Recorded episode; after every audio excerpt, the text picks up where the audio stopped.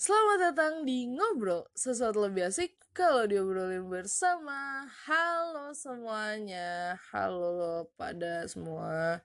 Apa kabar hari ini? Semoga selalu baik dan selalu sehat. Uh, ketemu lagi nih bareng gue Ocha di sini. Dan gue ngerasa kayak kita udah lama tidak ngobrol ya.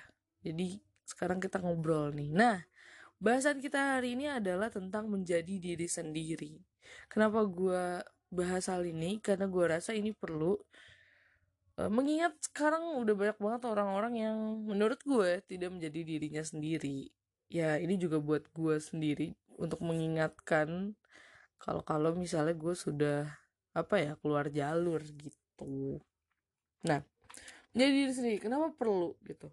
Apakah harus sama? Eh, apakah hal ini sama dengan jujur kepada diri sendiri? Tentu saja kalau menurut gue jadi saat lo menja menjadi diri lo sendiri gue rasa lo akan lebih nyaman akan lebih total untuk melakukan sesuatu misalnya dalam pekerjaan gitu. Tapi kalau lo uh, acting menjadi orang lain ini maksudnya actingnya tuh di kehidupan nyata ya. Misalnya uh, lo sebenarnya nggak punya uh, kemampuan yang lebih untuk mengikuti gaya hidup teman-teman lo misalnya terus lu kayak memaksakan diri untuk hal itu dan akhirnya lama kelamaan lu juga yang akan susah gitu. Itu gue pernah punya sih temen uh, waktu sekolah dulu ya di SMP uh, eh, di SMP gue yang bukan Jakarta malah waktu itu. Tapi dia tuh um, apa ya gayanya tuh kayak gitu gitu kayak nggak sesuai dengan kemampuannya dia. Dan akhirnya ketika dalam tanda kutip ketahuan ya dia akhirnya malu sendiri gitu. Um, jadi jujur pada diri sendiri itu adalah hal yang pertama lo lakukan agar nantinya lo bisa jujur kepada orang lain gitu loh. Menjadi diri sendiri itu penting.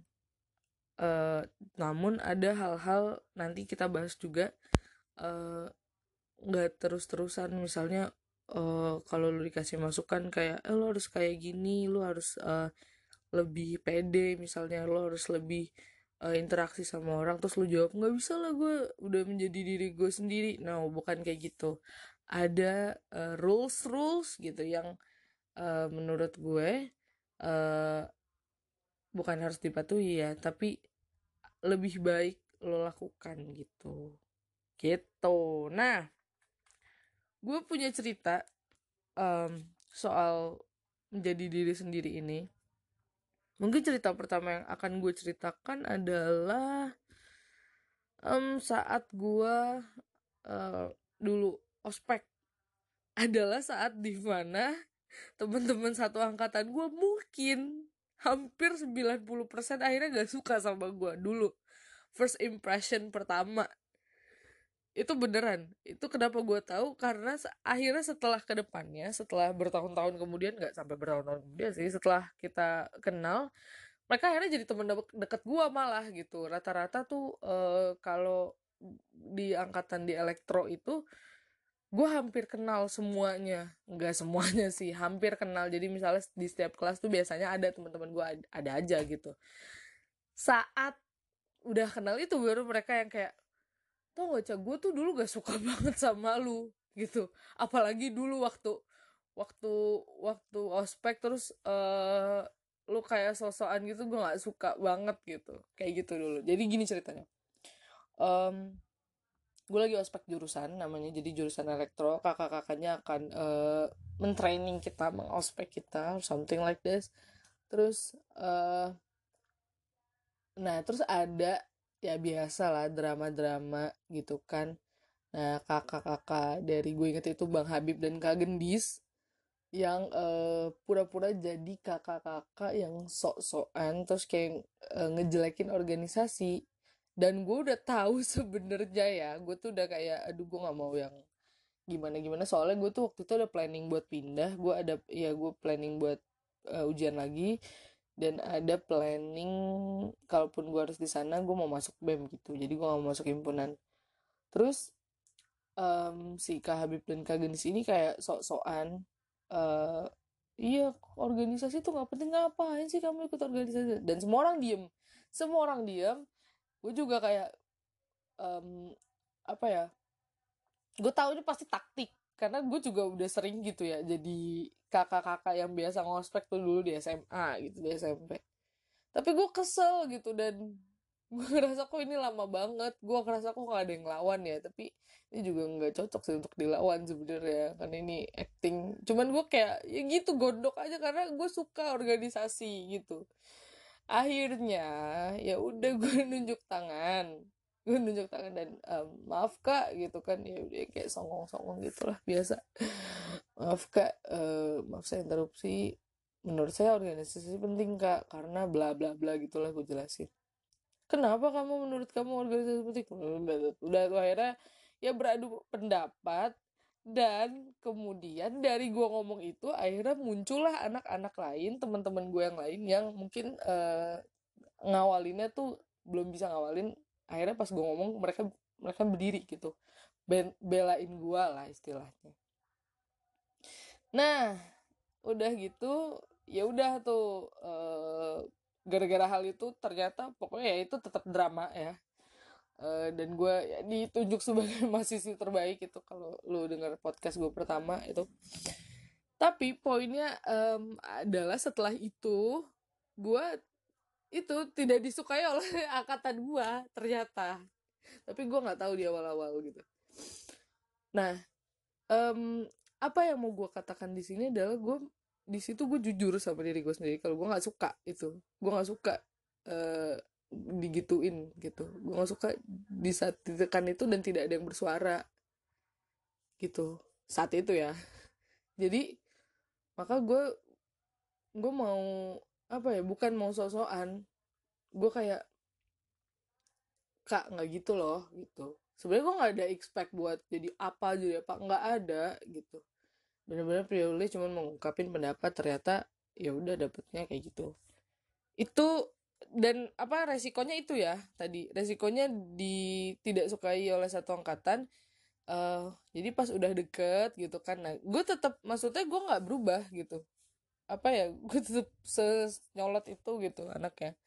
Sesongong itu uh, dengan apa ya kapasitas kapasitas dan rules rules yang ada. Jadi songongnya by rules.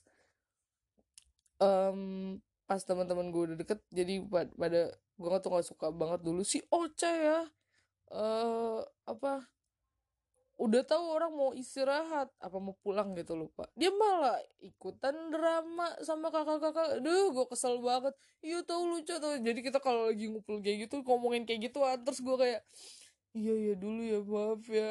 Gitu. Dan itu bukan cuma dari kelas gue doang ya itu dari kelas lain tuh ada juga yang ngomong kayak gitu. Jadi aku di hate haters pertama di kuliah itu pertama. Tapi pada akhirnya setelah gue ya mengeluarkan maksudnya gue tetap menjadi diri gue sendiri ya teman-teman gue itu akan menjadi teman-teman gue juga gitu. Mereka akan malah mereka deket sama gue gitu. Jadi itu cerita pertama. Cerita kedua saat uh, bekerja. Saat bekerja kan sekarang kali ya. Jadi gue tuh sebenarnya orangnya nggak bisa yang diem diem gitu. Gue tuh orangnya yang ya emang heboh berisik. Tapi karena namanya anak baru namanya anak baru jadi harus ya diawali dari diem-diem gitu. Terus um, apa saat gue udah menemukan feelnya menemukan nyawanya baru gue mengeluarkan sedikit demi sedikit aslian gue dan akhirnya uh, cukup cepat untuk gue beradaptasi gitu dan temen-temen gue uh, bisa menerima jokes jokes gue bisa apa ya um, sampai kayak gila aja uh, ngakak banget deh semalam di grup gitu misalnya. Uh, maksudnya uh, nah maksudnya di sini adalah uh, lu nggak lu cuman cukup mengeluarkan diri lo sendiri aja. Kalau misalnya lo nggak harus jadi lucu lo nggak harus jadi gimana gimana jujur aja sama diri lo sendiri. Dan percaya percaya bahwa um, lo tuh bisa percaya bahwa lo tuh sebenarnya diterima gitu.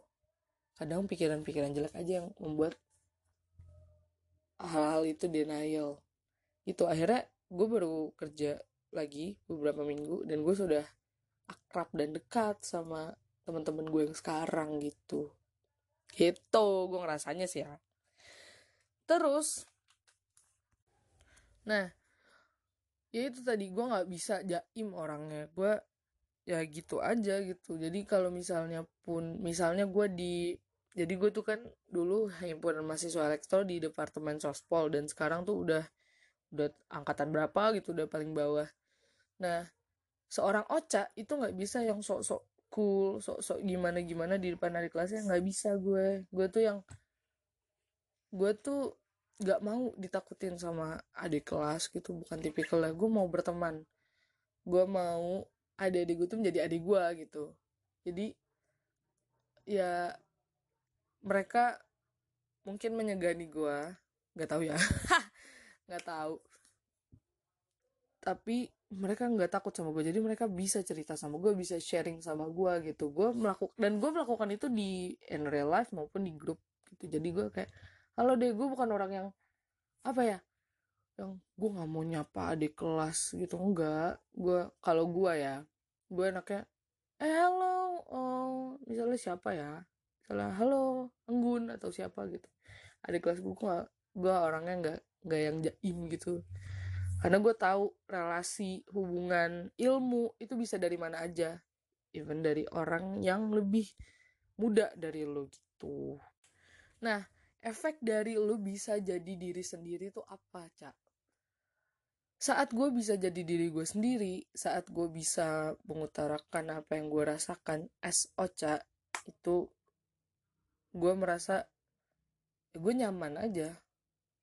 Gue merasa gue um, apa ya nggak nggak harus berpura-pura menjadi seseorang yang misalnya tadi yang masalah dihormati. Gue nggak harus menjadi seseorang yang pura-pura cool nggak harus menjadi seseorang yang pura-pura galak.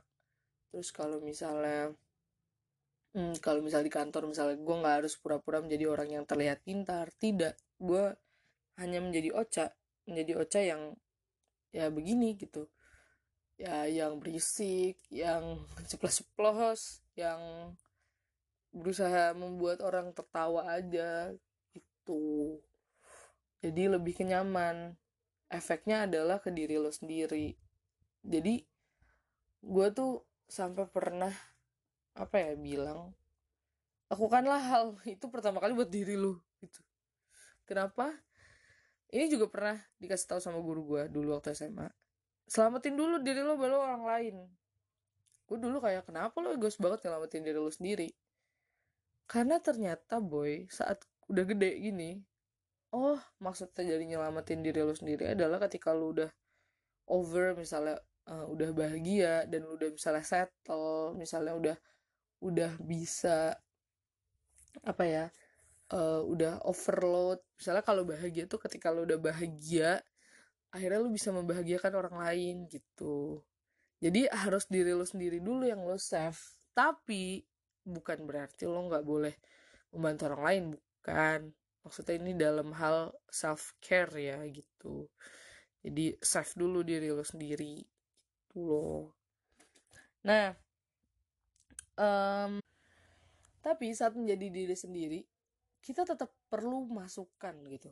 Kita tetap perlu hal-hal yang membuat kita growing up. Apa nih misalnya?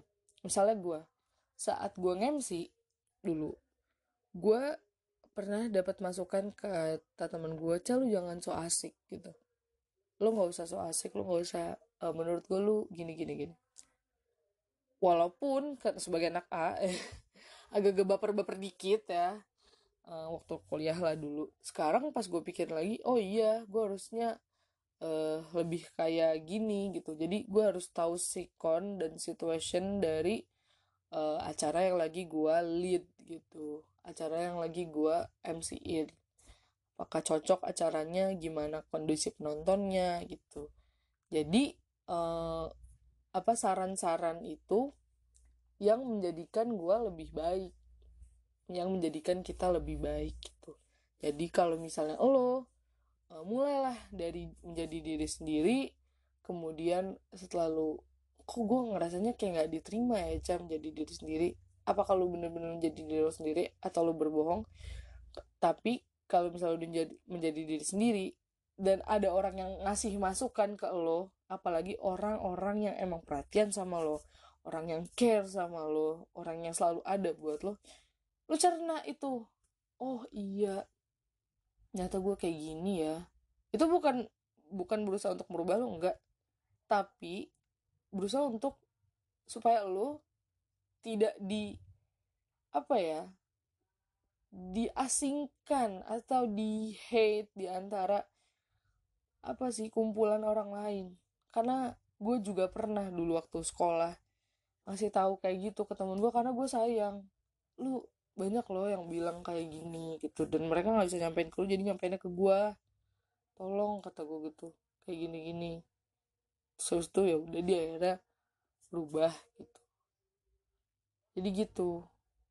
Tapi eh, nggak uh, usah semuanya didengerin juga maksudnya di filter. Kalau orang-orang yang emang udah kenal lu udah udah care sama lu baru nggak apa-apa.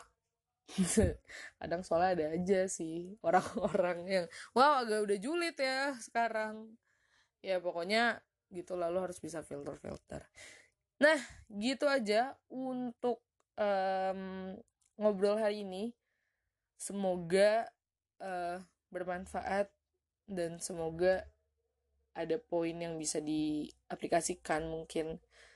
Um, have a nice Friday happy weekend. Uh, see you on the next episode. Bye bye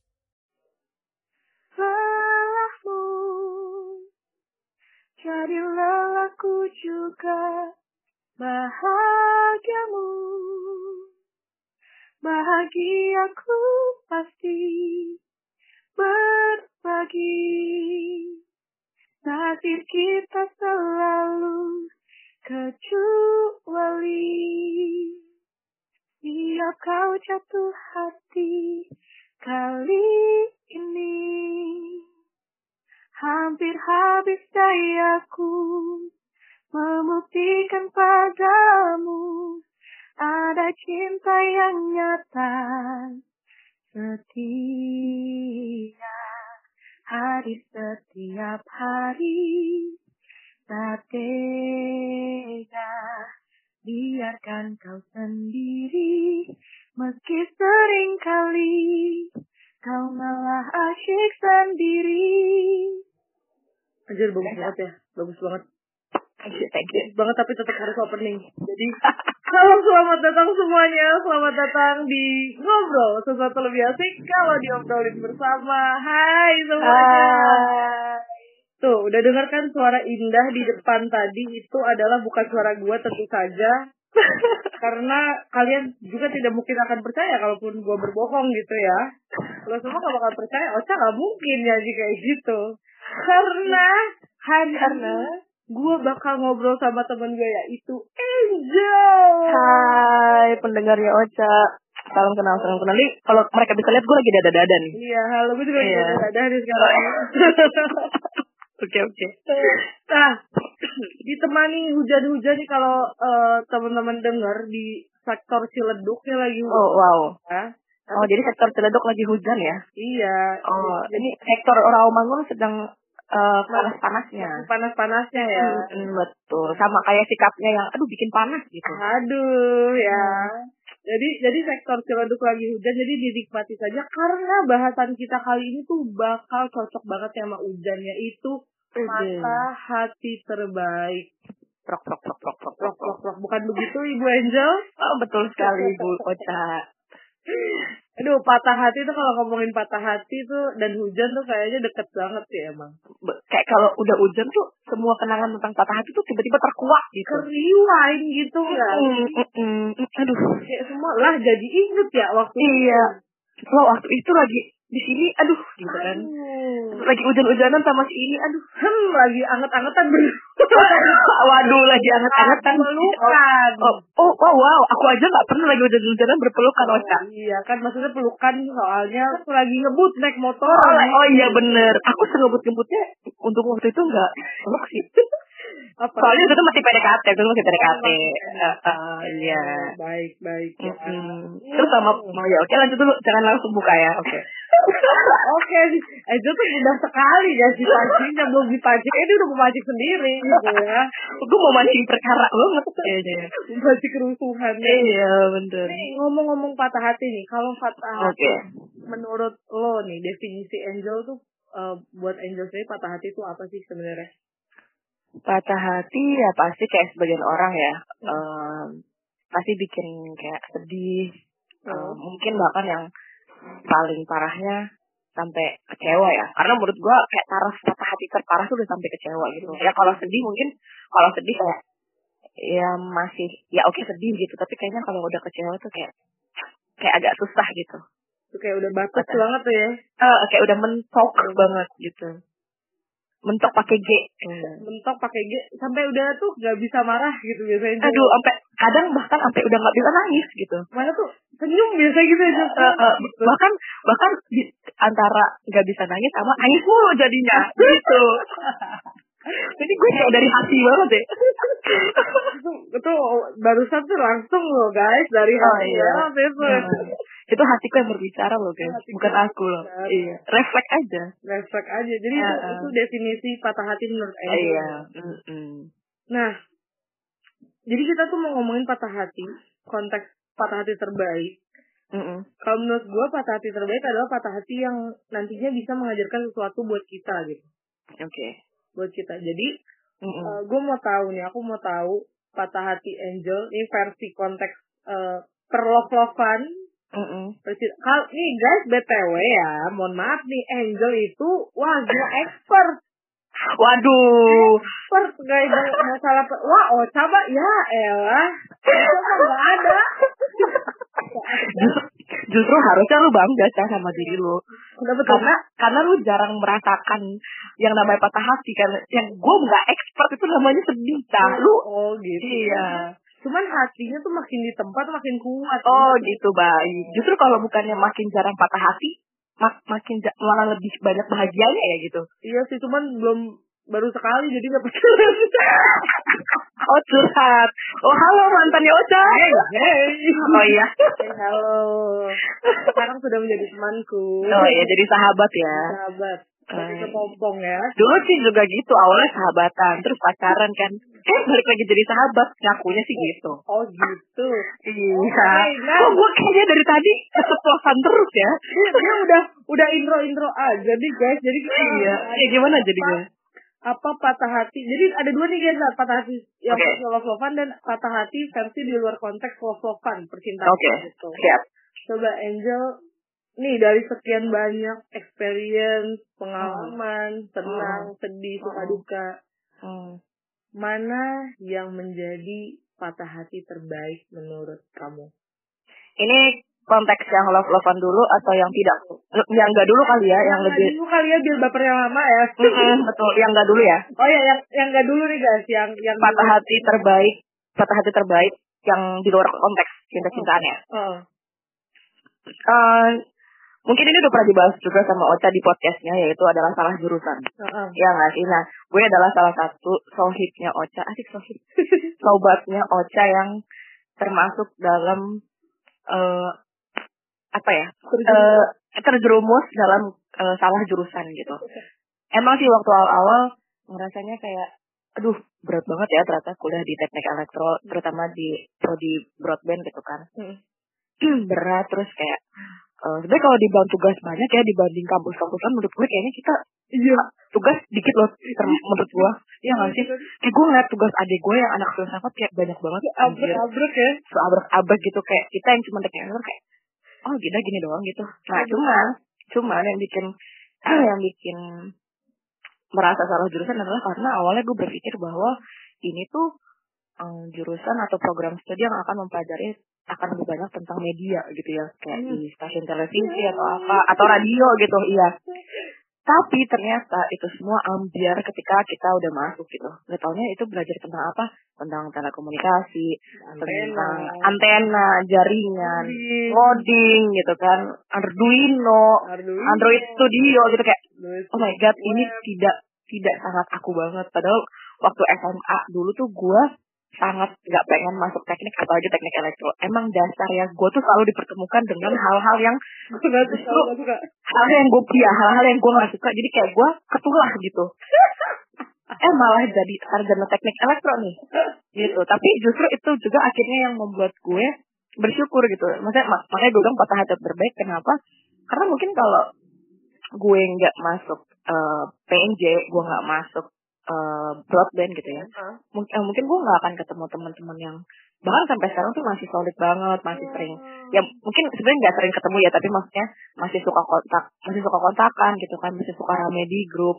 Terus juga eh mungkin gue nggak akan se se strong ini ya se tough ini gitu kalau gue nggak di PNJ gue nggak di broadband gitu. Gue nggak akan ketemu dosen-dosen yang asik gitu kan. Yes, benar. Eh, terus eh, apa ya gue lebih bersyukur dari sisi bukan dari sisi akademis ya dari sisi orang-orangnya justru itu sih patah patah hati terbaik gue dan setelah lulus pun ya masalah pekerjaan menurut gue eh apa ya kita kerja kita nyari kerja itu balik lagi rezeki orang masing-masing ya beda-beda gitu kan Benar. jujur gue gua sendiri aja nganggur tuh kalau dihitung dari sejak lulus bulan Juli gue baru kerja Januari berarti berapa bulan tuh gue enam lah ya hampir enam tapi kalau dihitung dari wisuda bulan Oktober berarti gue nganggur tiga bulan Mm-mm. Hmm, oke Jadi itu gue bilang makanya jodoh-jodohan juga namanya kerja gitu kan dan kalau mungkin kalau gue nggak kuliah di kampus gue gue gue nggak masuk di broadband mungkin gue nggak akan kerja di tempat gue sekarang Wow. Oke, aku akan menyamarkan kantor aku karena aku tidak ingin menyebutkan nama kantor ya. Kantor aku intinya, tempat aku bekerja gitu. Nanti aku dicari lagi sama kalian, jangan. Nah, tuh gue setuju banget nih guys soal eh, apa namanya soal teman-teman kita tuh masih gue tuh kadang ngerasa kita tuh masih kuliah gitu Iya, bener. Meskipun kita udah bisa, udah kerja gitu ya. Kita udah kerja udah lulus tahun gitu tapi Hmm. kayak, kayak kemarin aja nih ada ada kita wisuda jadi di BM itu nih guys eh, selalu ada tradisi nggak tahu tradisinya kebentuk gitu aja tradisi di mana kita kita tuh kayak eh, kakak kelas nanti bakal ngasih merchandise bukan merchandise sih, kayak hadiah gift kecil Iya, gitu Kayak, lah ya kenang-kenangan lah istilahnya. kenangan buat adik-adiknya dan temen-temen gue tuh hampir semuanya datang hampir semuanya keluar. Iya, benar. Kecuali yang pada uh, kerjanya shift-shiftan, Ah, ya. dan itu kayak semua datang dan di grup tuh kita eh kita mau ngasih apa nih dan emang selama itu dan itu sering ya maksudnya di grup tuh gak ada yang so kosong gitu hampir kayak setiap hari malah ada aja gitu di grupnya Ya meskipun obrolan yang gak jelas ya kayak cuma namanya stiker gitu Dan kan. dulu awal kuliah juga memang tidak jelas iya, sampai detik ini sudah lulus pun dan aku nggak kepikiran nanti kalau kita udah berkeluarga juga kayak gimana. Apakah suami dan anak-anak kita akan dimasukin ke grup itu juga?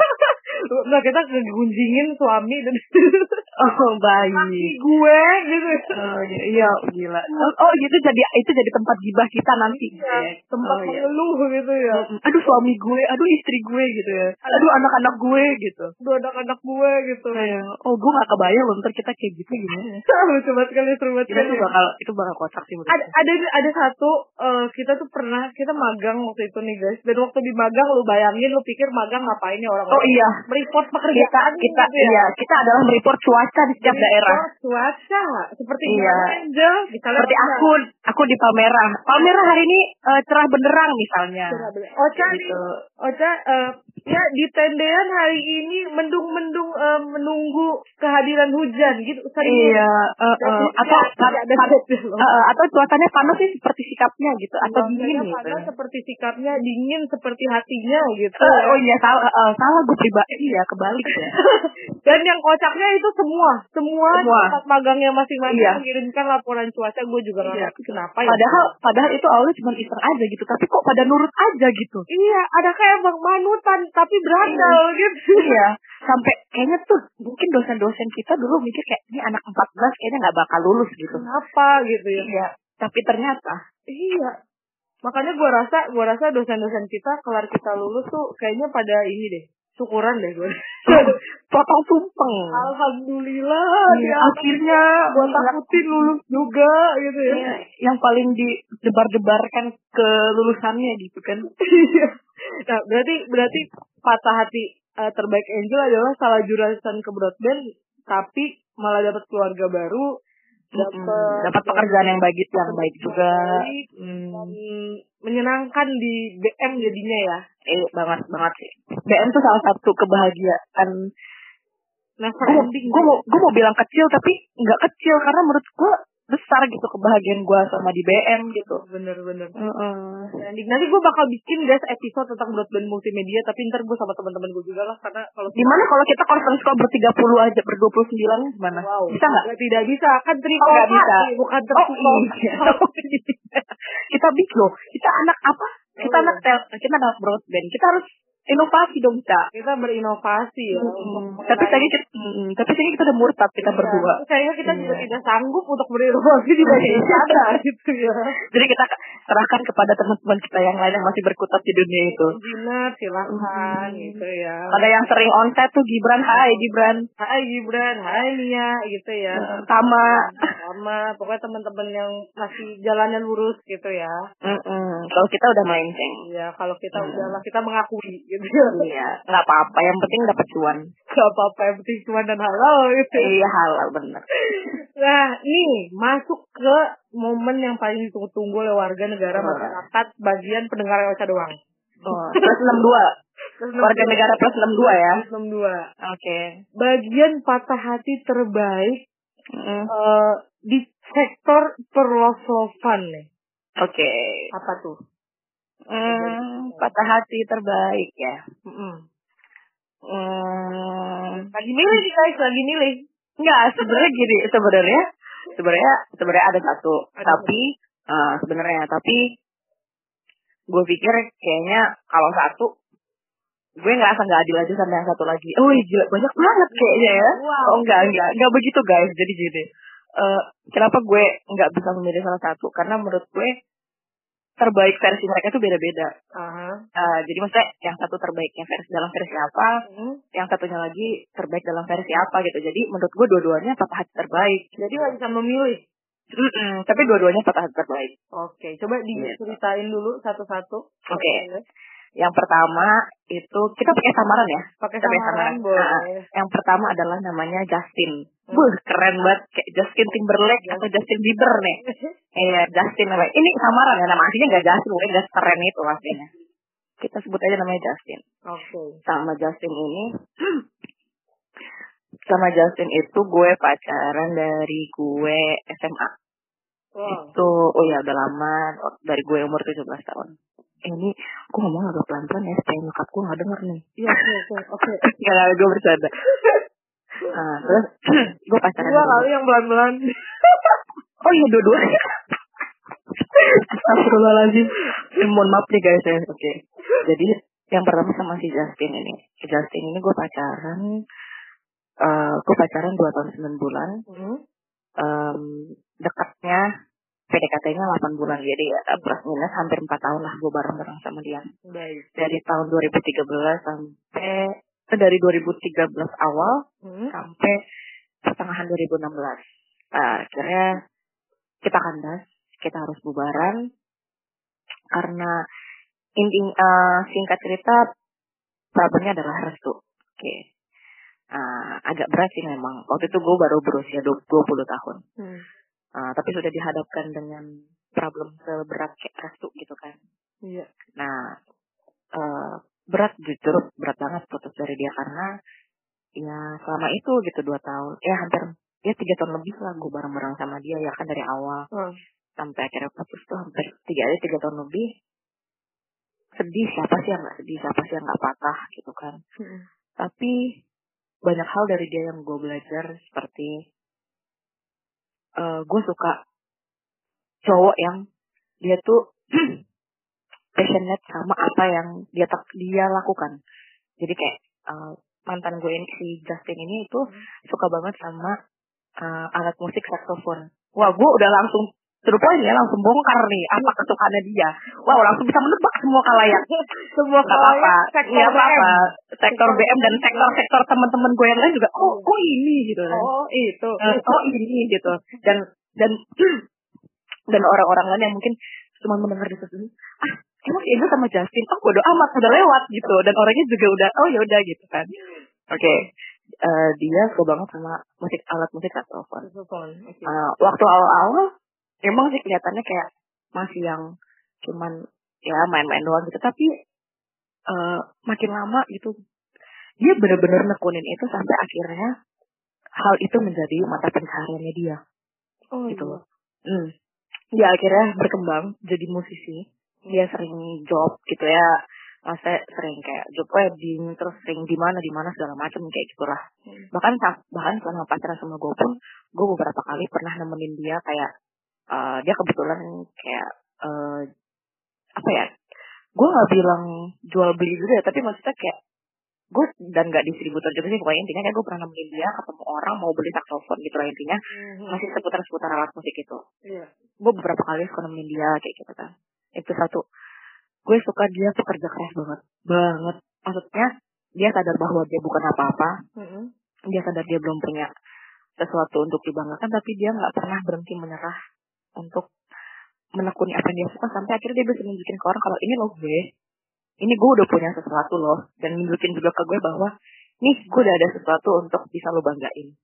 Itu yang pertama yang gue suka dari dia. Iya. dan itu jadi pelajaran juga buat gue. Wow di sini hujan tiba-tiba. Pindah hujannya. pindah hujannya. Nah, itu apa itu jadi pembelajaran gue. Gue jadi meskipun gue perempuan ya tapi gue juga jadi yang eh, oke gue passion di nyanyi gitu kan.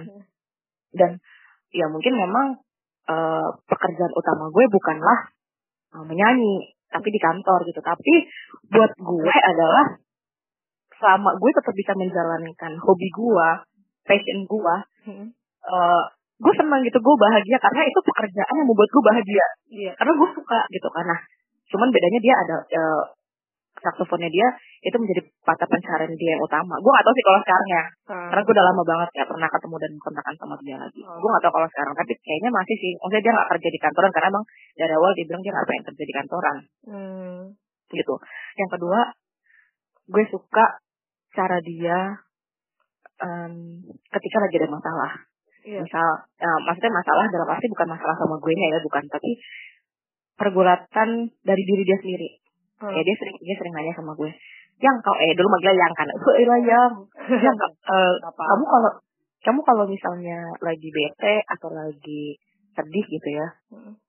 biasanya ngapain ya Masa- atau rasanya gimana sih gitu terus, aku, terus gue yang waktu itu karena masih labil-labilnya ya gue bilang capek ya rasanya pengen kayak buru-buru udah gak sedih gitu rasanya kayak pengen buru-buru kabur aja gitu dari perasaan itu gitu Hmm. Tapi yang paling gue inget sampai sekarang dan masih gue terapkan dalam hidup gue setiap gue ada gue ngerasa apa gitu. Dia, dia selalu bilang jangan pernah takut sama rasa yang kamu rasain sekarang.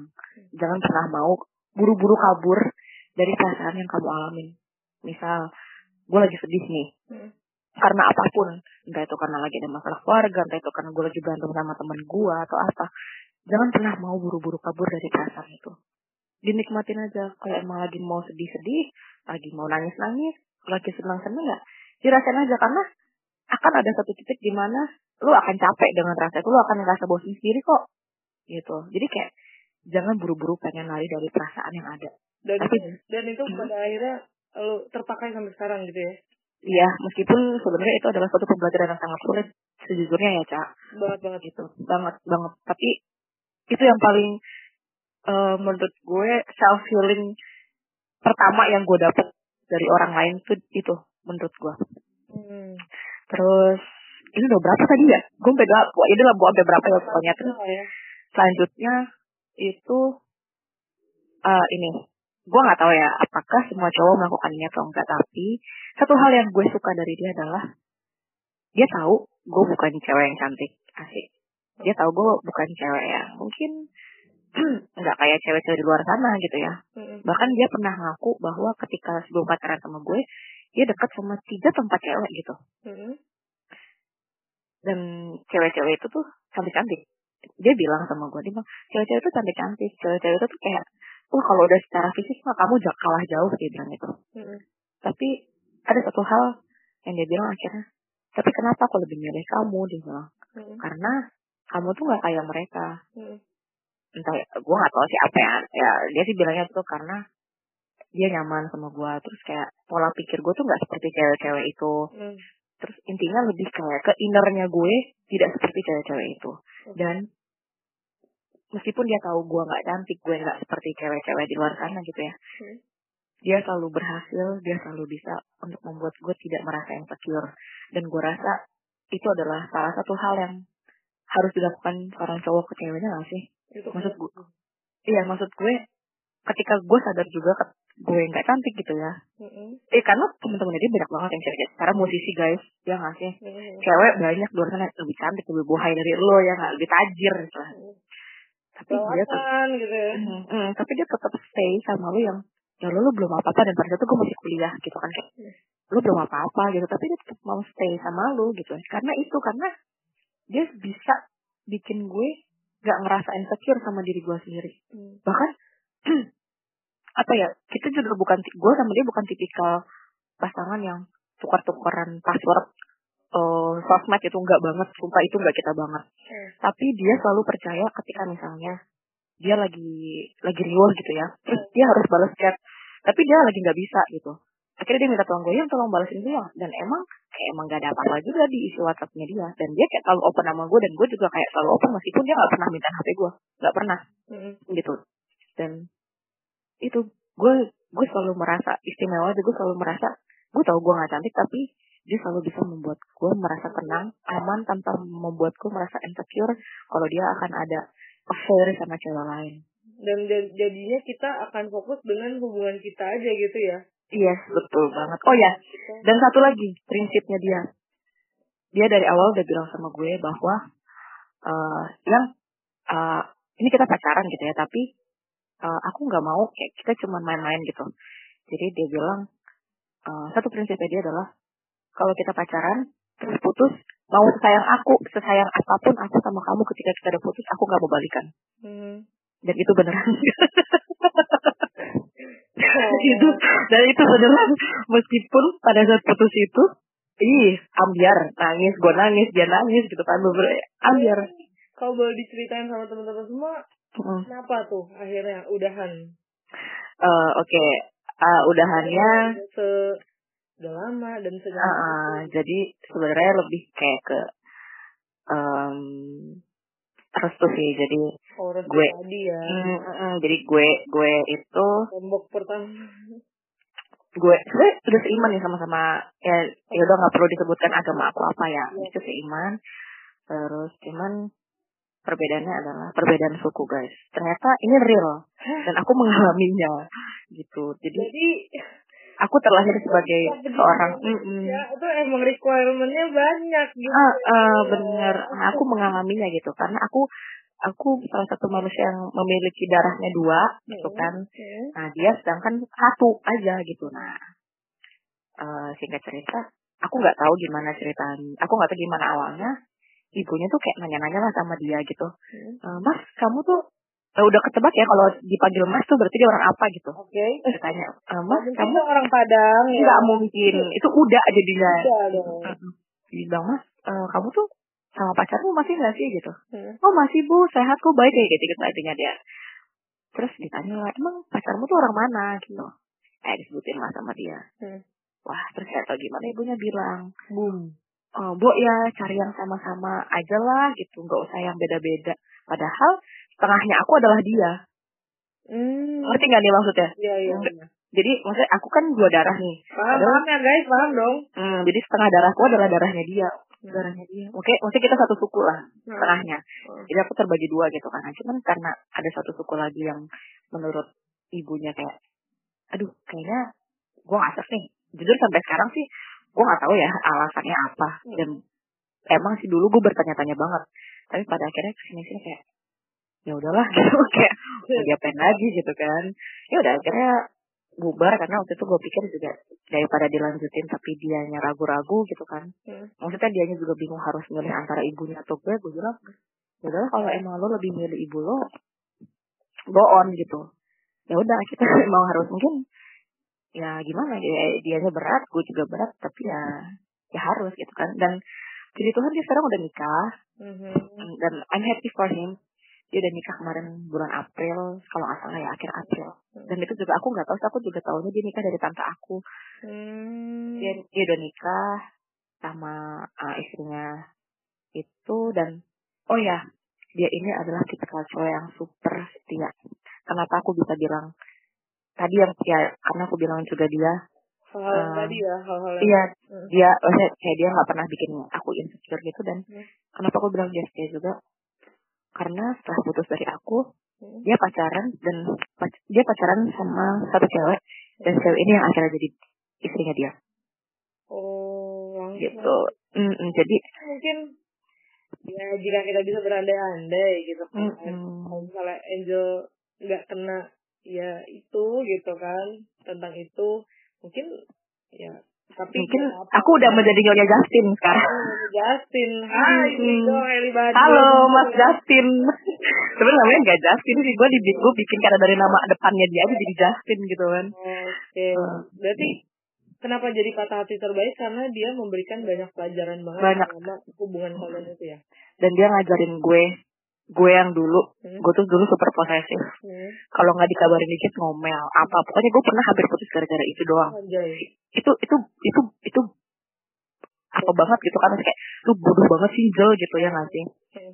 tapi akhirnya it, eh, karena kesibukannya dia juga yang akhirnya bikin gue oh gue harus sadar ya bahwa cowok gue tuh sibuk gitu dan justru harus gue yang lebih pay attention ke dia harus gue yang lebih peduli sama dia lebih eh, ngertiin dia gitu. Bukan justru gue menuntut untuk dia ngertiin gitu kan ya. Kalau dia pas lagi ya kan pasti kayak yang ketemu yuk ya jalan yuk gitu segala macam gitu kan. Tapi ya itu dia benar-benar ngajarin gue apa artinya sabar.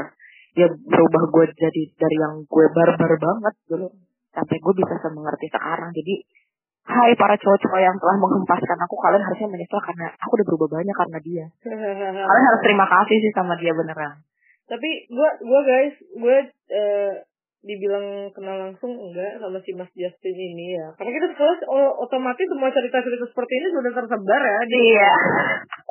Nah si Mas Justin ini gue emang lihatnya orangnya baik banget sabar banget. Mm-mm. seorang angel ya.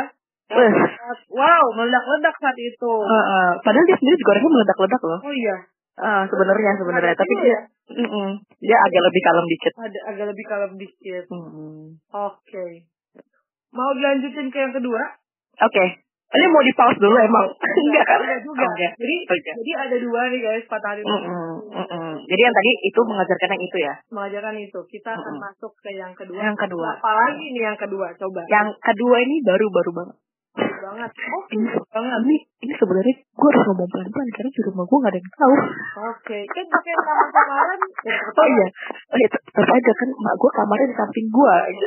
bener bener Oke. bener bener mohon maaf jadi- jangan dekat-dekat Oh iya maaf, ya udah gak apa-apa lah. Mereka udah pada tidur. oke Jadi yang kedua ini, aduh gue bingung dia mau ngasih samarannya apa karena namanya cuma dua suku kata, langsung ketahuan gitu kalau Miko aja Miko Miko Miko aja jangan jangan Miko. Jangan Miko. Em, siapa ya? Miko ntar Radit ya malam minggu Miko Mm, mm, jangan. Siapa ya? Ya, se- sebenarnya gue manggil dia Mas juga, meskipun dia bukan orang Jawa, bukan. Heeh. Gue, aduh apa ya? Ya udahlah, namanya Mas aja ya, Mas ya, Mas. Oh, iya oke Mas doang. Ini tanpa nama, Mas tanpa nama. Mm-mm. Kalau tadi kan Mas Justin, ini Mas doang. Iya, ini Mas Karena aku, iya, karena aku bingung mau kasih samaran apa gitu, nggak bisa dikasih gitu. Akan langsung terungkap nanti. Jangan. Aku masih menyamarkan nih. gitu. Oke, terus Oke. kenapa nih sama si Mas doang? Oke, sama Mas doang ini, aku baru-baru ini sih. Baru-baru ini sekitar putusnya dua bulan lalu lah, dua bulan setengah yang lalu. banget ya. Baru banget. Pacaran juga baru bentar.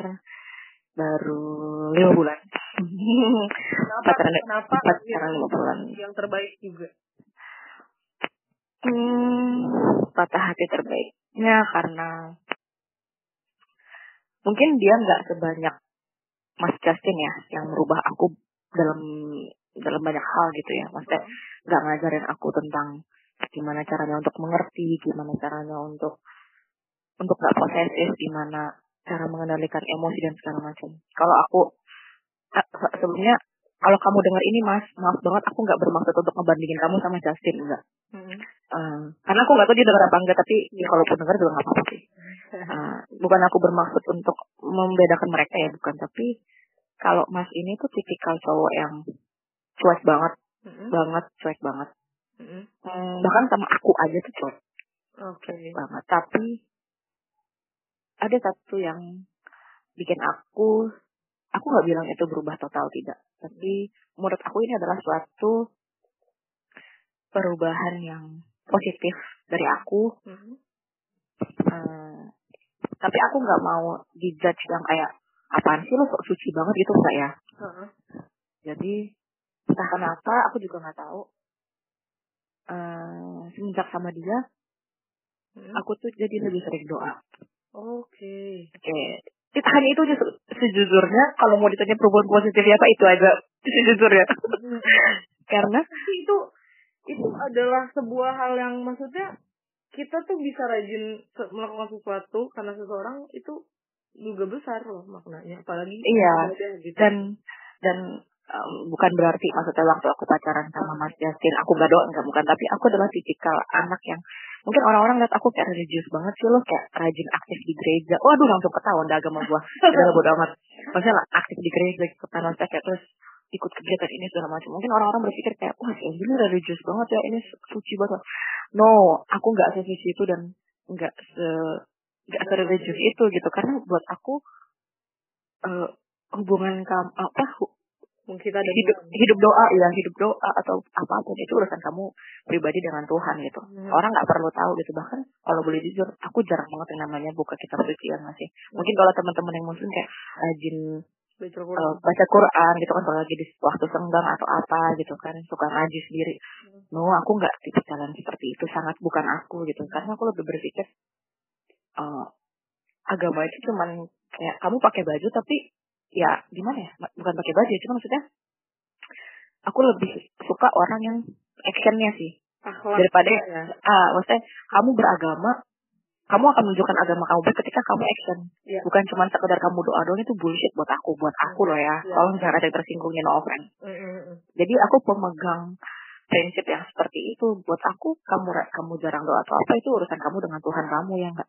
tapi kamu sama sesama kamu itu yang paling penting buat aku. Nah, aku bukan tipikal orang yang rajin doa, jujur aja gitu. Hmm. Tapi entah kenapa semenjak sama si Mas, hmm. aku nggak tahu kenapa aku jadi hmm, dibilang rajin juga enggak, tapi setidaknya mau gitu. Hmm. Jadi kayak, oh iya, gue belum doa, oh iya, gue belum doa. Gitu. inget ya, Mm-mm, sampai sekarang, sampai udah putus pun hmm.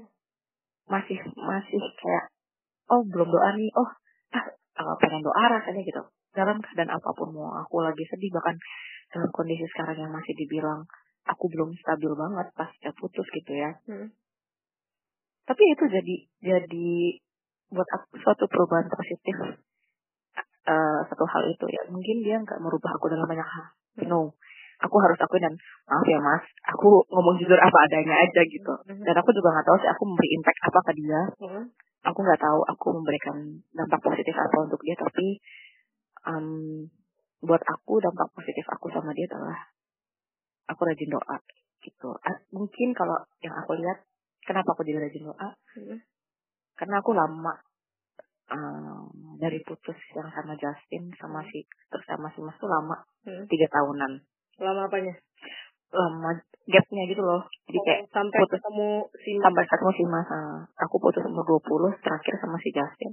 Terus pacaran di umur 23 sama si Mas jadi mungkin pemikirannya udah kalau doa kan ibaratnya kayak lu ngedoain pacar lu supaya jodoh ya gak sih? Hmm. Nah, jadi lebih kayak kayak gimana ya? Gitu, kayak, guys, minta kayak, jadi, sama pemimpinnya hmm, loh. Jadi kayak berdoanya tuh kayak, udahlah aku tuh capek Tuhan untuk bolak-balik lagi gitu. Pengennya tuh udah ini aja gitu. Nah mungkin itu yang mendorong gue jadi gue pengen doa terus ah gitu supaya mungkin gue gak bisa usaha banyak kayak gue ngelakuin banyak hal untuk dia enggak. Tapi mungkin ada hal lain atau cara lain yang bisa gue lakuin mungkin Tuhan bisa merubah takdir gue atau mungkin eh gue gak tahu ya takdir bisa dirubah apa gue gak tahu. Tapi maksud gue mungkin Tuhan ada saat ada, ada saat, saat tertentu yang Tuhan bilang ya adalah sesuai dengan doa lu gitu ya nggak sih? Nggak harus sesuai dengan apa yang Tuhan rencanain juga gitu.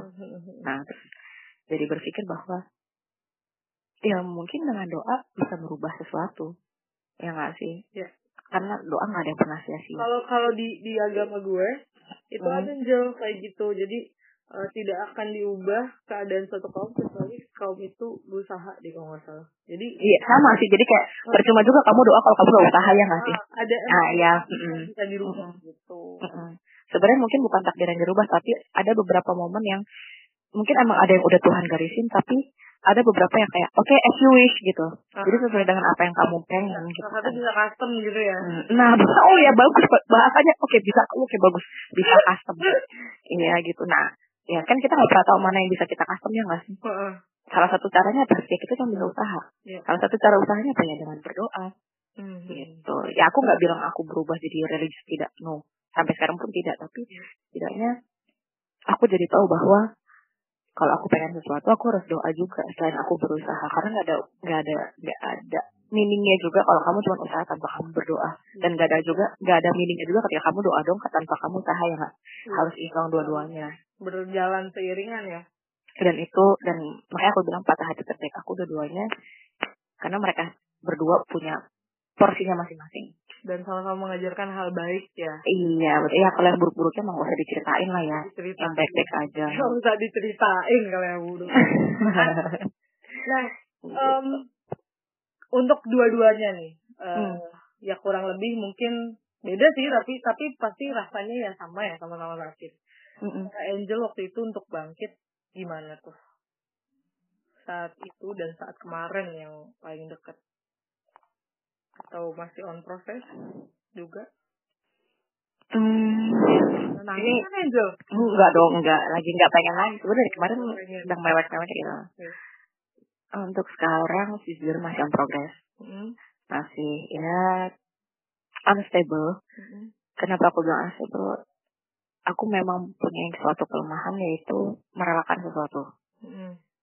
entah itu apa pun entah itu uh, barang entah itu orang entah itu keluarga ataupun uh, tentang cinta-cintaan gini aku sadar bahwa aku mempunyai kelemahan aku agak sulit dalam hal merelakan Mm-mm. jadi untuk sekarang kalau ditanya gimana sih perasaannya Hmm.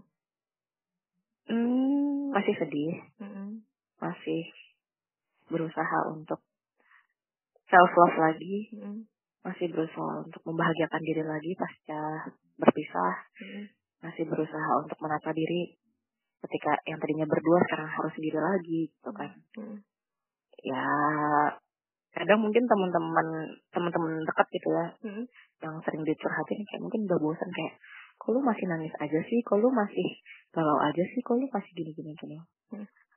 jujur sempet capek sih kayak ngerasa aku aku kayak nggak didengerin ya aku aku kayak bukan gak didengerin ya cuma aku kayak nggak dengerin kayak orang tuh pengen aku buru-buru move on gitu Hmm. pengennya buru-buru eh, hilang rasa sepinya bahkan Uh-huh. kalau boleh jujur bahkan si mas aja tuh juga gitu kayak ini aku ini sebenarnya hal yang paling aku sebelin dari dia juga gitu kayak Hmm.